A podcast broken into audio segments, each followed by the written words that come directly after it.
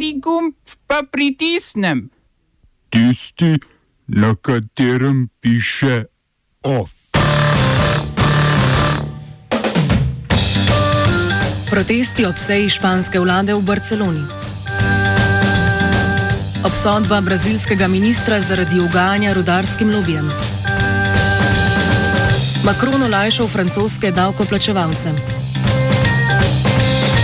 Albanska opozicija ima jajca. Noč kratkih filmov.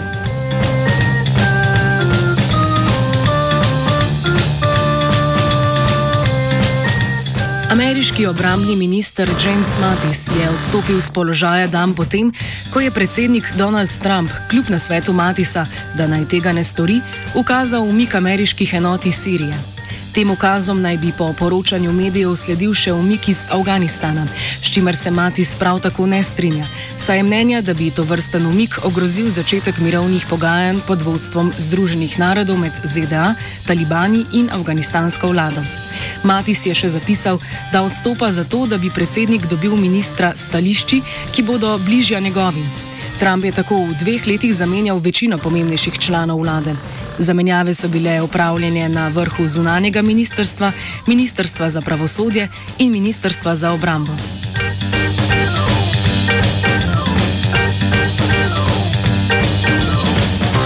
Katalonski protestniki so zasedli glavno avtocesto in številne druge ceste, ki vodijo do Barcelone. Protesti so izbruhnili zaradi odločitve španskega premijeja Pedra Sančeza, da predstavi redni sestanek kabineta iz Madrida v Barcelono.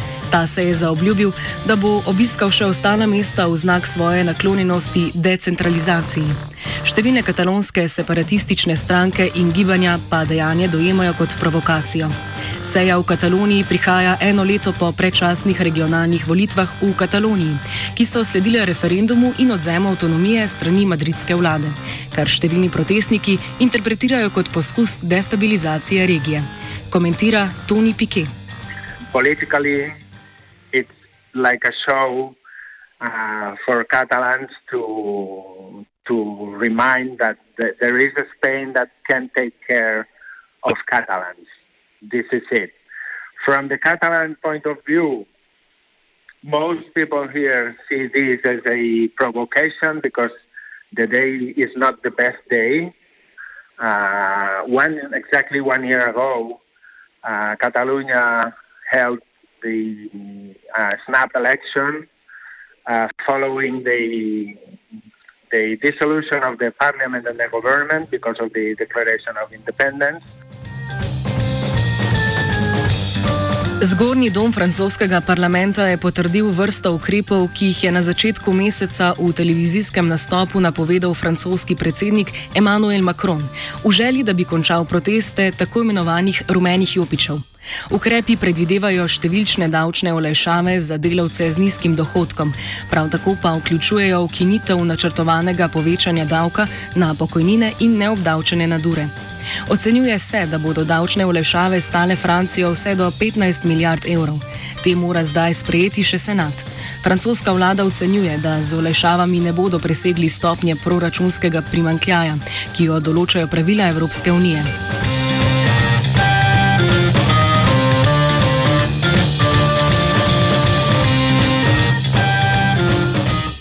Mačarski predsednik Janoš Adar je podpisal novo delovno zakonodajo, ki zvišuje dovoljeno število nadur z 250 na 400 letno in podaljšuje obdobje izplačila z enega na tri leta.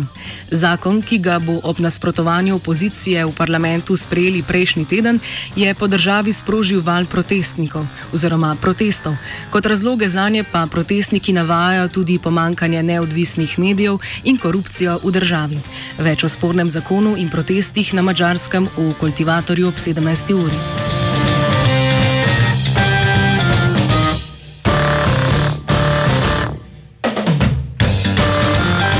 V Albaniji se je končal večmesečni bojkot sej parlamenta strani opozicije, ki je na mesto uradnih organizirala usporedne seje.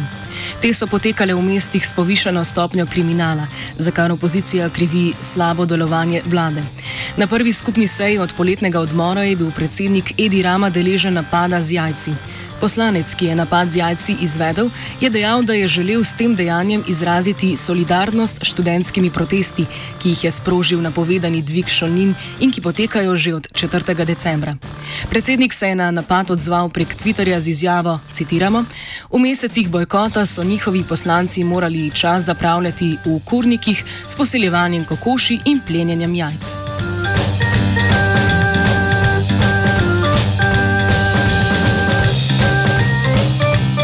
Vlada indonezijske province Papue je napovedala začasno zamrznitev pregona upornikov na skrajnem zahodu otoka.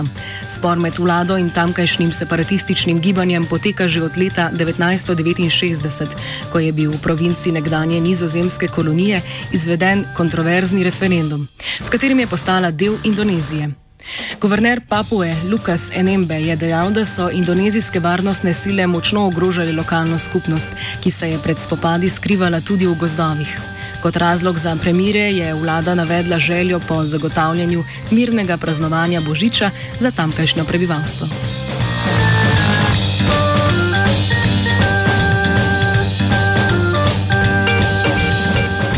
Sodišče v Sao Paulo je obsodilo bodočega brazilskega ministra za okolje Ricarda Salesa, da je, začesu, da je v času, ko je bil okoljski sekretar mesta Sao Paulo, spreminjal načrt okoljsko zaščitenega območja v pritrudarskim podjetjem. Kaznovan je bil s tremi leti prepovedi kandidiranja na volitvah, vendar ga to, po njegovem mnenju, ne bo oviralo pri prevzemu ministerskega mesta, saj ta funkcija ni izvoljiva. Novi predsednik Brazilije Jair Bolsonaro je v preteklosti večkrat izrazil namero, da bo ministrstvo za okolje ukinil oziroma združil z ministrstvom za kmetijstvo, vendar do tega za zdaj še ni prišlo. Namesto tega je na ministersko mesto imenoval človeka, ki ni prepričan o človekovi odgovornosti za globalno segrevanje in je to zanj tema, tema drugotnega pomena. Kot cilj svojega političnega delovanja navaja iskanje ravnovesja med zaščito okolja in ekonomskim napredkom, ki pa mu ga po preteklih obsodbah sodeč ni uspelo vzpostaviti v skladu z ustavo. Ovo, če, če bom odgovoril na angliški. Slovenija bo poskušala pomagati. Slovenija bo and we will do our utmost to say that the situation is our problem ourselves. And uh, we will. Uh, make further steps as soon as the conditions are uh, very, very serious. News from Slovenia. We know how and we will. Državni zbor je na izredni seji v skladu z ustavno odločbo sprejel spremembe zakona o odškodninah za izbrisane. Spremembe ukinjajo omejitev odškodnin za izbrisane v sodnem procesu, prav tako pa omejujejo višino obresti leteh. Višina odškodnine je bila do zdaj omejena na njeno trikratno vrednost. Ustavno sodišče je na to spomladi odločilo, da se razveljavi 12. člen zakona o omejevanju odškodnine v sodnem postopku. Omenjena sprememba zadeva 363 tožb, s katerimi zahtevajo v celoti 12,2 milijona evrov odškodnin. Ta številka pa bi se na izodpravo omejitve odškodnine podvojila. Notranje ministrstvo ocenjuje, da bodo vse odškodnine za izbrisane državni za izbrisane državni proračun obremenile s približno 52 milijoni evrov.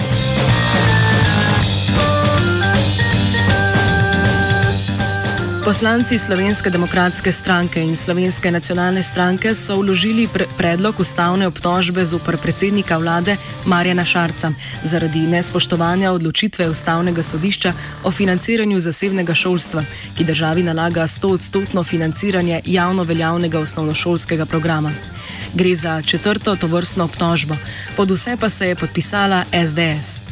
Kakor vse predhodne bo brško ne tudi ta neuspešna, kar priznavajo tudi poslanci Nove Slovenije, ki na vkljub napovedim niso prispevali svojih podpisov.